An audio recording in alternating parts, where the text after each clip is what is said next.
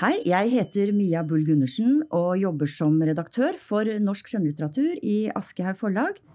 Og så er jeg så heldig også å få være programleder for podkastserien som vi har i år, som rett og slett heter Hvorfor skriver du?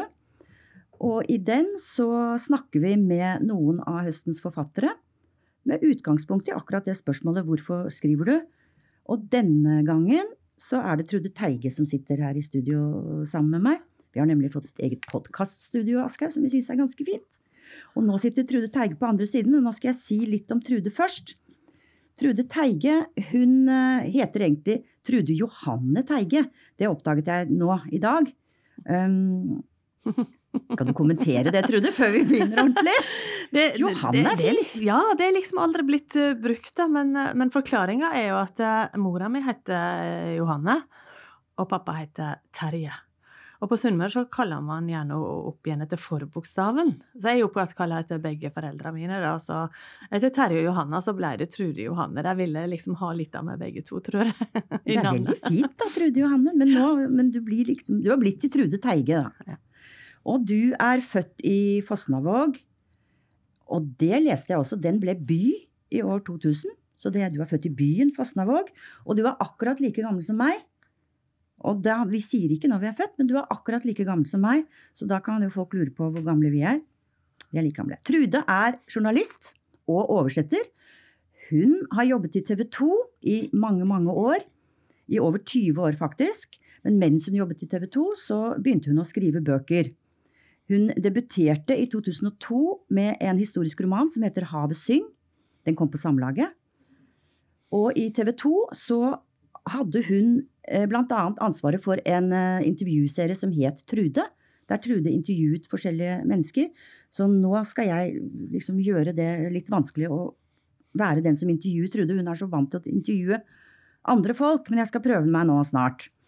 Trude kom til oss i Aschehoug i 2009. Da skrev hun sin første krimroman om TV-journalisten Kajsa Koren. Den het Noen vet. Vi skal komme litt tilbake til den etterpå. Hun har da gitt ut seks krimmer om Kajsa Koren. Den siste kom i høst og heter Aldri tilgi. Trude har vært nominert til Bokhandlerprisen flere ganger og Rivertonprisen. Og når jeg sier Rivertonprisen, så må jeg også si at Trude er forkvinne i Rivertonklubben, som er en uh, forening for, krem, for, fremme av god krim. Ja. President. President er du. Du er president. Det er kjønnsnøytralt. Det, det var derfor jeg sa ja til det vervet var jo at de kan kalle meg president. Det er aldri kommet en president fra Fosnavåg. Og, og, dessuten så, så, kan man jo da lire av seg ting og late som det er ekstremt intelligent alt man sier. Men det er jo det, og hvis da. folk er uenige, så bare skjeller man deg ut. For det er det presidenten gjør. Så jeg, derfor har jeg sagt ja til å være president i Rivertonklubben. Er det sånn det var? Det er jo ganske flott. ja. Å være president i Rivertonklubben. Du tok over etter Tom Egeland for ikke så Det var vel var det I april. I april, ja. Mm. Det er ikke allerede så lenge siden. Ja, da Du har altså skrevet historiske romaner, og du har skrevet uh, krimromaner. Du har skrevet en kokebok også? Ja, det har jeg. Ni bøker er det blitt. Ni bøker har det blitt. Hva slags oppskrifter var det i det?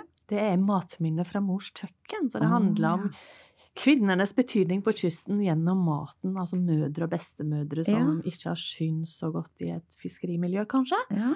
Men så synliggjør disse matkulturene veldig den derre betydninga det har i, for å skape trygghet i barnas liv og sånn. Ja. Mm. Men det med kvinner har du jo faktisk forfulgt i bøkene dine også. Kvinneskjebner. Veldig opptatt ja. av å løfte fram kvinnene. Ja, ja. det er du, og det gjør du veldig bra. Det skal vi snakke om. Men først nå kommer det store spørsmålet. Hvorfor skriver du, Trude Teige? Det, det, er ikke bare ett svar, tror jeg, på det. Jeg tror det, det er mange grunner til å skrive bøker. Men jeg, jeg, tror kanskje svaret ligger mest i å se på hva jeg skriver om. Ja. Og at motivasjonen min for å skrive ligger i det jeg tar opp i bøkene mine. da. Så jeg tenker jeg gjør veldig mye av det samme som jeg gjorde som journalist. Eh, jeg skriver jo samfunnskritisk krim.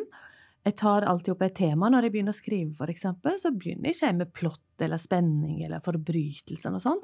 Jeg tenker hva har jeg lyst til å skrive om nå? Hva er det som jeg syns er litt skakt eller skeivt i dette samfunnet? Hva er det jeg syns slags gruppe i samfunnet som på et eller annet vis har blitt urettferdig behandla, eller sånn. Og da blir det jo om eldreomsorg, som jeg har Mm. jobba mye med som politisk journalist, ikke sant, eller barnehjemsskandalen, eller tyskerjentene, eller mm, overgrep i et bedehusmiljø, som Mm. alle disse temaene som jeg tar opp, og det er der skrivinga mi begynner, og det er der engasjementet mitt ligger. Så det er veldig sånn journalistdriver. Jeg går inn Ja. i et tema, og så finner jeg en annen sprengkraft i det temaet som gjør at det kan egne seg da øh, for en krim. At noen er blitt veldig urettferdig behandla. Pasienten, Pasienten. den som ja. handlet om han som ble behandlet ute på Dikemark. Psykiatrisk pasient. ja. Veldig sterkt. Og det er veldig sterkt når du da jeg, jeg driver jo research sånn som jeg gjorde som journalist. Jeg, jeg leter jo hele tida etter det ufortalte som jeg kan fortelle om, da. Mm. Uh, og når du da kommer over en historie med en karakter som har bodd på Dikemark sykehus fra 30-tallet til 80-tallet, som mm, jeg skriver om i Pasienten, uh, så begynner du å grave i hans liv, og så finner du nesten ingenting. Han har liksom kommet inn i livet eh, uten at noen vet hvor han kom ifra, og så har han gått nesten helt umerkelig ut av det etter 50 Mm. år. Og så tenker jeg å, jeg fikk sånn god følelse for han, og jeg fant en del av hans ting på Dikemark som gjorde at jeg, jeg så litt av karakteren hans, og hvordan han hadde hatt, og kanskje hvordan han hadde tenkt, og sånn. Og så fikk jeg sånn god følelse for han, så tenkte jeg det vil jeg skrive om. Så når du spør hvorfor du skriver, så er det sånn at jeg, jeg kan ikke bare sette meg ned og skrive om hva som helst. Jeg må skrive om noe som jeg føler er ufortalt. Ja. For det er det jeg skal gjøre. Jeg skal fortelle det ufortalte på et vis. da.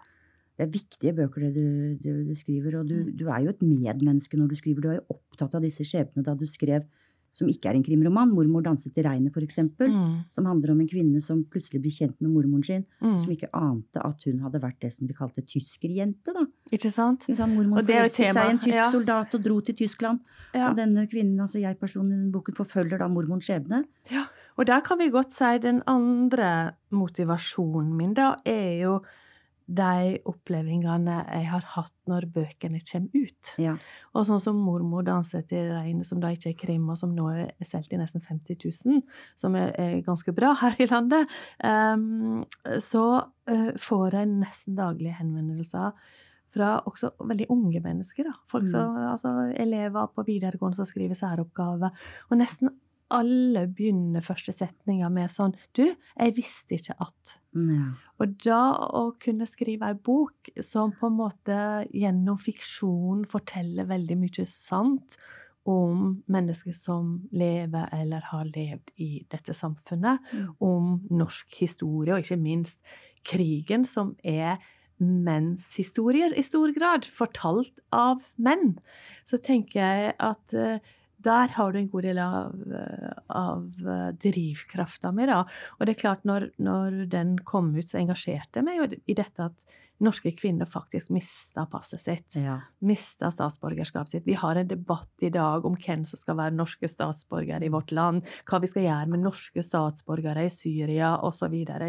Mange paralleller her. Men disse kvinnene ble dømt uten å ha begått en forbrytelse. Eh, uten en rettssak, til å ikke være norsk. Og det engasjerte meg så sterkt at jeg, jeg skrev en kronikk, uh, og jeg hadde kontakt med politikere på Stortinget som jeg kjente ganske godt, og sa er ikke det på tide at Erna kommer med en unnskyldning? Og det er det mange som var enige, og mange andre som har engasjert seg, og til slutt så kom jo den unnskyldninga fra Erna Solberg. Men da du skulle skrive den, så kom du Jeg husker nemlig du fortalte, det gjorde veldig inntrykk på meg. Du var i kontakt med en dame. Mm. Nå begynner jo disse å dø ut, naturligvis. Det er nesten ingen igjen. nesten ingen igjen. Mm. Men du rakk, for å si det sånn, Ja. å snakke med en dame som opplevde nettopp dette her. ja. Hun hadde vært såkalt tysk jente, forelsket seg i en tysk soldat, mistet passet sitt. Og kan ikke du bare fortelle akkurat, for jeg husker du fortalte om det da hun Ja. passet sitt. Ja, jo, det var Anna Deichman fra Vadsø. Hun gifta seg med en tysk soldat som faktisk kom til Norge på uh, Blücher. Ble bomba i Ah. Drøbaksundet. Og så ble han sendt til eh, Nord-Norge og traff Anna, og de forelska seg. Og så gifta de seg. Og hun ble med han til Tyskland. Til et helvete på jord. Mm. Men de bygde seg et liv der, fikk et barn. Dette barnet gifta seg med en mann fra Norge. Mm. Og mannen til Anna døde, så hun satt igjen plutselig nede i Tyskland alene når hun ble gammel. da. Og tenkte nå skal jeg hjem igjen. Mm. Og så har du hørt meg snakke om dette på radioen og ville at jeg skulle komme til Nordfjordeid og fortelle, Ja. og hun ville fortelle meg sin historie. Så jeg dro til Nordfjordeid, og når jeg kom inn der, så lå det norske passet ved siden av kaffekoppen hennes. Og vi Mm. snakka lenge uten at hun nevnte dette passet, da. Men dagen etter så tok hun opp passet. Og så spurte hun meg litt med det der med hva betyr tyskertøs? Mm. Betyr det hore? Og vi hadde en sånn djup samtale. Og, og det var så mye smerte i, i øynene hennes når hun snakka om disse tinga. Men når hun holdt opp det passet, så var det en blanding av bitterhet og glede i Ja. blikket til Anna. Og så holdt hun passet mot meg og så meg djupt inn i øynene og så sa hun nå er jeg god nok. Så endelig. Og så døde hun tre måneder etterpå. Så jeg er jo så glad at Anna Ja. fikk oppleve å være god nok for dette landet før hun gikk bort. Ja. Nei, den historien syns jeg er veldig sterk, så den fortjente en repetisjon i Mm. denne podkasten. Men ehm, det er som du sier, du, har, du sluttet som journalist. Du skrev bøker samtidig som du var journalist også, men du var jo da opptatt av menneskeskjebner mens du jobbet i TV 2 som journalist òg. Mhm. Trakk frem personer og stilte dem spørsmål, og var gjerne samfunnskritiske eh, temaer, naturligvis. Eller det er det du har vært opptatt av, og det er du opptatt av nå også. Og du har på et vis fortsatt med dine undersøkelser i romaner og krimromaner som du gjorde som journalist. Mm, Men, men du har sikkert skrevet altså Som journalist skriver man jo også mye, så du har sikkert skrevet hele livet, eller hva? Ja, jeg, jeg, har nok, eh, jeg har nok gjort Jeg har nok et slags eh, eh, formidlingsbehov, da. Og nå er det fem år siden jeg slutta som journalist i TV 2. Og det var jo først da det gikk opp for meg at jeg har egentlig vært en forteller hele livet. Det er det jeg gjorde som journalist, var å fortelle. Og det jeg gjør når jeg skriver, er å fortelle. Og det jeg gjør, jeg reiser jo veldig mye rundt og holder foredrag, både om tyskerjentene og, og andre ting. Og jeg snakker nesten aldri om bøkene mine, men jeg snakker bare om alle de sanne historiene bak bøkene. Og alle bøker er, eh, har utspring i noen sanne historier. Og uansett om jeg står på en scene, om jeg sitter her nå Mm. og skal snakke om bøkene mine, så er jo jeg fortelleren. Mm. Og da tenkte jeg, det er det jeg gjorde som journalist òg. Jeg var jo fortelleren. Det var jo det jeg var opptatt av, å formidle de sterke og viktige historiene, det ufortalte, det er kanskje til og med det som er undertrykt. Mm. Og gjerne løfte fram eh, grupper, og særlig i den politiske journalistikken, så er det veldig viktig at man tenker at politikk er ikke det som skjer på Stortinget. Politikk er konsekvensen det har for de som bor i dette landet. Og da må du som journalist ut og snakke med de som bor i dette landet, for å høre om Nav fungerer. på en måte. Du finner ikke ut det på Stortinget. Du må ut og snakke med folk. Og når du har drevet sånn og fortalt historier i TV-format, i radioformat og sånn, så er det bare en, for meg har det vært en veldig sånn forlengelse. Og, og, og jeg hører jo forfattere som sier krim er, er, er eventyrfortellinger og sånne ting. For meg er ikke krim eventyr. For meg er krim ramme alvor, altså. Og det er de sanne historiene i, inn, mellom disse permene som egentlig er diktning Mm. og fiksjon som skal sitte igjen hos leseren min etterpå og tenke at jo, dette har Trude Teige dikta, men her lærte jeg innmari mye om Norge. Ja, fordi at eh, det å lage en krimroman Det du gjør, er jo å løfte frem menneskeskjebner, ikke sant? Mm. Mm. Som vi lesere er interessert i å høre om. Enten om det er en tyskerjente, eller om det er et barn på et barnehjem, eller en gammel på et sykehjem, som du også har skrevet opp, eller en psykiatrisk pasient. Mm. Men du løfter frem disse skjebnene, da.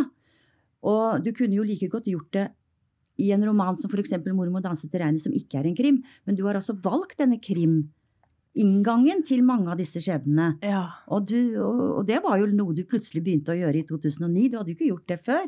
Nei, men det begynte ikke som en krim. Jeg prøvde veldig lenge å unngå det. Jeg oh, ja. ville ikke skrive krim. Nei.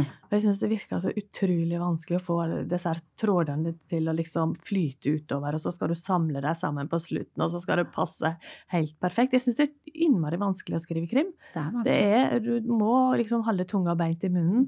Men jeg går ofte inn i et tema og så tenker jeg at eh, skal jeg skrive krim? Skal jeg skrive en historisk roman? Skal jeg skrive en sakprosabok? Og når jeg utgir en kokebok, for eksempel, så er det for å fortelle noe om kvinners betydning. Det er ikke for at det bare oppskriftene. Ikke sant? Så jeg har alltid sånn annen, noe annet på hjertet da, til å, å, formidle en historie. Så jeg velger egentlig sjanger ut ifra stoff og hva som passer. Men i krimmen så er det jo veldig flott å sette ting på spissen. Jeg, jeg traff ei dame fra bedehusmiljøet hjemme som hadde lest um, uh, 'Jenta som sluttet å snakke', mm. som er om overgrep av kristne autoritetspersoner da, i et kristent miljø. Og så, og så tenkte jeg kanskje de der hjemme på bedehuset vil bli litt sure på men jeg skriver krim og underholdning, som det heter, om noe så alvorlig. Og da kom det ei dame til meg og sa uh, ja, vi har, vel ikke, uh, vi har vel ikke akkurat hørt om drap på bedehuset, sa hun. Men kriminelt er det likevel, det de har gjort. Så jeg syns det var bare fint. Da. Ja. Mm. Men nå, må vi, nå har vi kommet langt ut i samtalen, og vi skal jo ta for oss eh, den siste boka di, mm. som heter Aldri tilgi. Og her er det metoo det dreier seg om. Og det er Kajsa Korn. Og Kajsa Korn er jo en journalist, akkurat som deg selv. Hun som er hovedpersonen i krimromanene dine. Mm. Eh, du kan jo si kanskje litt om Kajsa Korn først. Altså, jeg tenker det er ganske viktig å si noe om Kajsa Korn, fordi at Kajsa forklarer bakgrunnen for at uh, de fem første bøkene nå er solgt i over 160 000. Jeg tror det et skjema av Kajsa. Jeg tror folk elsker Kajsa. Alle kommer til meg og sier 'hva skjer med Kajsa i neste bok'? Og, liksom, og, folk har engasjert seg i at hun ble skilt, og at hun øh, var bekymra fordi mora havn, fikk demens. Ja. Uh, hun er vel den, kanskje den første krimhelten vi har som får brystkreft. Ja. Så hele prosjektet med Kajsa er at jeg, jeg, vil ha en sånn litt sånn alminnelig dame som mange kan kjenne seg igjen i, mm. og som livet skjer med. Mm. Det livet vi lever i Norge. Det, det, skjer med oss alle, ikke sant? Og det kan skje at man får brystkreft, det kan skje at man blir skilt. Man mm. er bekymra for barna sine. Man får eldre foreldre som havner på institusjon. Og det er livet til Kajsa som er med, og som jeg ønsker å fortelle ganske mye om i disse bøkene. Men som på en måte bygger karakter, men som ikke har så mye nødvendigvis med plott å gjøre. Og så er jo litt sånn Altså, Hun ligner nok ganske mye på meg, siden hun er TV-journalist, og, og, sånn, men hun, hun, hun, er mye mer uredd enn meg. da. Ja, Og så bor hun nemlig i Asker, og det gjør jo du også, Trude.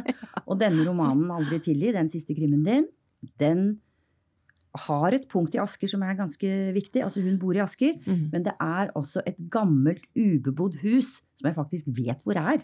Fordi jeg har en søster i Asker og gått den turen. gått forbi det huset, det ubebodde huset som du tar utgangspunkt i her. Mm. Kan du si litt, Og det handler om metoo, det har vi sagt, og det er Kajsa Korn, og det er Asker. Kan du si litt mer om boken din? Jeg kan si den dagen jeg begynte å skrive denne boka. fordi ja. jeg har gått forbi dette huset i over 20 år og sett at det bare forfaller mer og mer. Og så hadde jeg hatt lyst til å gå bort til det, men det sperra veien der med kjetting og greier.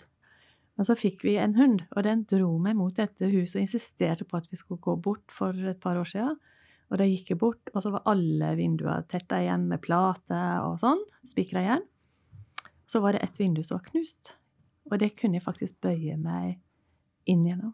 Så jeg bøyde meg helt inn og kom inn i stua, og der sto alle møblene. Og jeg veit jo nå at det har stått siden 1964. Og da fikk jeg den følelsen at det her har det skjedd noe. Her har folk bare forlatt dette og ikke kommet tilbake, og hvorfor det? Så i tillegg til at boka handler om metoo og norsk politikk og norsk media og sånn, så er, er, det egentlig hva som skjedde på denne gården, mm. som er det essensielle i plottet, da. Mm. Ja, for det er der det er et lik. Ja, der finner politiet en mann som ja de ikke klarer å identifisere. Han er nylig dødd. Han har lagt sin sovepose på denne sofaen, og så finner han og vet, klarer ikke å identifisere han. Mm. Og det er i dette arbeidet med å identifisere han at Kajsa kommer inn som journalist og interesserer seg for både de sakene og en metoo-dokumentar som hun lager. Mm. Så hun er egentlig den som klarer å se at det er en forbindelse mellom denne gården mm. og um, ting som skjer med den norske justisministeren, blant annet. Ja. Ja. Vi, kan, vi, kan, røpe litt, vi skal ikke røpe så veldig mye her. Men det dreier seg jo da om justisministeren, og så dreier det seg også om en, en journalist eller en nyhetsredaktør, en nyhetsredaktør mm, i en TV-kanal. TV ja. Og begge disse to er, blir, anklagt for å ha øvd hva skal man kalle det? Seksuell trakassering. Seksuell trakassering mot kvinner. Mm. Og, så, og nå er i grunnen fortiden Nå innhenter fortiden dem, er det riktig å si det på den måten? Ja, det er litt sånn det spørsmålet er liksom hva, hva er motivasjonen for det som skjer etter hvert i boka av eh, De blir jo utsatt for eh, trusler, disse to framstående mennene i det norske samfunnet. Og, og har det noe med eh, anklagene om metoo-trakassering å gjøre, eller kan det også være andre ting som har skjedd i livet deres? Og de vokste opp i Asker begge to. Mm. Så det kan vi jo si. Så det begynner etter hvert å begynne å gå opp for Kajsa at det er et eller annet her som knytter den døde mannen til landets justisminister, blant annet. Ja. Og da begynner det å bli Mm. litt mer spennende. Det blir veldig spennende etter hvert. Vil, vil du snakke noe mer om den, så gjør vi gjerne Vi det. kan si litt om, eh, om eh, metoo, da. fordi dette er jo ikke en metoo-roman. Det er jo en ganske tradisjonell uh, krimroman som, der et gammelt mysterium skal løses opp, og så skjer det forbrytelser i nåtid, sånn som det ofte gjør i krimmen. da. Men grunnen til at jeg valgte metoo, var jo at uh, jeg har jobba i media i så mange år. Uh, og jeg har jo sett på veldig nært hold da hvordan makt og mye testosteron kan være en veldig dårlig kombinasjon. Eh, så jeg tenkte at det var lett å skrive en romanen, for jeg kunne bare bruke mye av mine egne erfaringer. Eh, og jeg har hatt et ønske om å fortelle hva er det som gjør at det utvikler seg en sånn kultur, da. Mm. Eh, og jeg tror at når ei bedrift er veldig mannsdominert, fra Mm. toppen og helt ned på mellomledernivå, og at det er veldig lite kvinner som er ledere i en bedrift, så tror jeg sjansene er mye større for at uh, menn definerer hva som er greit og ikke greit. Uh, og da kan man få en kultur som også gjør det nesten helt umulig for kvinner å varsle. Mm. Og jeg tenker på mange av de tingene jeg har opplevd sjøl som kvinnelig journalist, og alltid holde kjeft. Ja. Fordi du vet at du kan ødelegge din egen karriere ved å bli en som sier at jeg syns ikke disse grisevitsene på morgenmøtet er så veldig gøy. Mm. Jeg syns dere skal skjerpe dere og slutte med det. Mm. Og da kan man fort bli definert som en som er så vanskelig, og det kan ødelegge karrieren til en journalist. Tror du det er lettere for f.eks. kvinnelige journalister å sette en sånn litt stopper for sånne ting nå, eller å si fra? Jeg Tror du metoo har gjort det enklere? Ja, ja, ja. ja, ja. Definitivt. Jeg tror metoo er et paradigmeskifte. Ja. Eh, For det første så tror jeg det at de mennene som har gjort sånne ting, og som i framtida kan tenke seg å, å drive med den typen uh, dårlig oppførsel, uh, vil skjønne at de må faktisk slutte med det. De må passe seg, og det er farlig for dem. Fordi det er blitt så mye lettere å Mm. varsle om det. Mm. Så jeg tror at sånn som våre døtre, dine og mine døtre, ikke vil oppleve de samme tinga i arbeidslivet som vi har gjort. Eh, Og jeg tror hvis de opplever det, så vil det være veldig mye lettere for Mm. dem å si ifra. Det kan hende at menn og gutter også syns det er en lettelse at dette er kommet frem. Vet du, jeg tror det er et veldig viktig, det er noen viktige aspekter ved metoo her. og Det ene er at det, de fleste menn er ikke sånn. Nei, de er jo ikke det, fleste det, menn er, er jo ikke det. er kjempe, Og mange menn jeg har jobba sammen med, både i TV 2 og NRK og andre plasser, er jo absolutt ikke sånn. Så det har jo noe med de personlige kvalitetene å gjøre, Ja. tenker jeg da. Det er det ene. Og det andre som man også kan problematisere, er jo det vi har opplevd, er jo at vi med en gang kvinner varsler, så blir det sagt 'vi tror på deg'. Mm. Det, det er også litt farlig. Mm. Og det problematiserer jeg jo jeg aldri tilgi, fordi at det, hvis du er en kjent mann, og noen kommer med en uriktig anklage om at du har drevet med seksuell trakassering, og det blir ord mot ord, Mm. og alle sier vi tror på kvinner, så er du litt ute og kjører i et sånn rettsstatsprinsipp, da. Fordi at eh, du kan ikke tro på anklagen i den ene parten kommer. Du kan ta det på alvor, du kan undersøke det og sånn. Men tenk deg da at en kvinne At jeg gikk hen og så skulda en, en eh, sjef i media for å ha drivet, for å ha voldtatt meg, for eksempel. Sånn, Hvem hadde folk trodd på? Mm. Hadde de trodd på meg, eller hadde de trodd på han som sa at eh, dette er forbanna løgn? Nei, det er jo kommet noen sånne altså, Alltid Det er interessant å problematisere ja, ja. da i en sånn krim, så er det jo faktisk problematisert også, da. Ja. Ja. Nei, det, nå, Vi kunne snakket mye, med, mye om dette, men jeg har lyst eh, kanskje til slutt å høre litt grann om eh, dette med Jeg regner med det kommer en Kasakorn til. Du trenger jo ikke svare på det, Trude. Men eh, at du kanskje allerede nå er inne i og har funnet ut hva du skal skrive om i neste bok. Trenger ikke svare på det, kan svare på det hvis du vil. Det er et spørsmål i øynene dine. Ja, Det kommer nok det, ja. Ja, det håper jeg. Ja, Ja, det jeg håper holder jeg på med tre-fire andre prosjekt, så jeg er litt usikker på hva for et som kommer først. Og ja. tre-fire Kajsa Korn-prosjekter, eller tre-fire litt andre ting? andre, andre, ting ja. andre. Men du, jeg har bare lyst til å stille for det, et spørsmål til slutt, og det har jeg gjort til de andre også som vi har laget sånn litt podkastene med. Og det er hva andre forfatteres verk betyr for deg. Det der å lese mye. Mm. Jan Kjærstad sa i podkasten her at det er veldig viktig for forfattere å lese mye mens de skriver. Noe noen syns er vanskelig å gjøre, nemlig. Jeg er veldig enig med han i, i det, og det er rett og slett sånn at eh, jeg skriver mye bedre hvis jeg leser mye samtidig. Nettopp. Hvis jeg får en sånn lesetørke, for jeg har det så travelt, og jeg må skrive, så jeg leser ikke for jeg har tid til å skrive, så skriver jeg dårligere. Ja, du merker det, altså. Ja, jeg merker det veldig, for jeg, jeg, da er det bare jeg sjøl som kan inspirere meg sjøl til å Ja. skrive.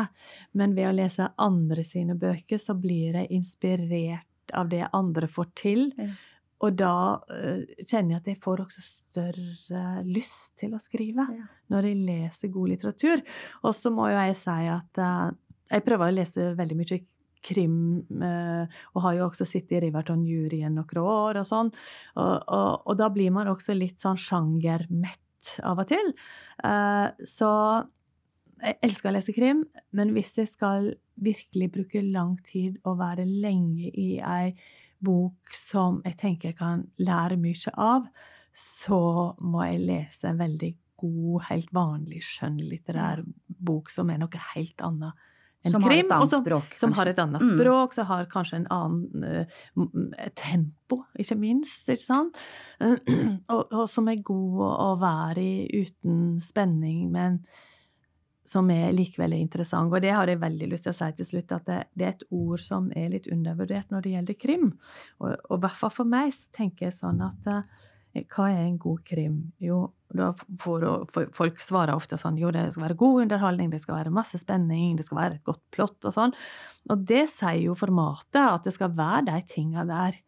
Men for meg er en god krim en god fortelling som er like god som andre skjønnlitterære bøker, og at det ordet som må være på plass når jeg leser en krim, det er at det må være interessant. Ja. Og det må være godt skrevet. Ja, alt det der som du tenker en forfatter skal, Ja. men det må være, Være interessant. interessant. Ja. Og jeg kan godt lese en bok som er fantastisk godt skrevet, og har glede av språket, Mm. men jeg kan fort liksom miste litt lysta til å gå inn i den boka fordi den ikke er interessant nok. Griper deg ikke. Så jeg må ha den interessen på et eller annet måte i, i teksten. Ja. Da må jeg si tusen takk. Jeg kunne snakket om masse, Trude, og det er så interessant å høre på deg. Og du reiser rundt og holder foredrag og snakker om disse tingene. Du er så flink til å snakke om bøkene dine. Du er flink til å snakke om Tusen skriving. Ja, men det er du virkelig. Jeg har hørt deg mange ganger. Men nå vil jeg si til slutt gratulerer med den nye Kajsa Korn-romanen din 'Aldri tidlig'. Må den ligge under mange juletrær. Takk skal du ha.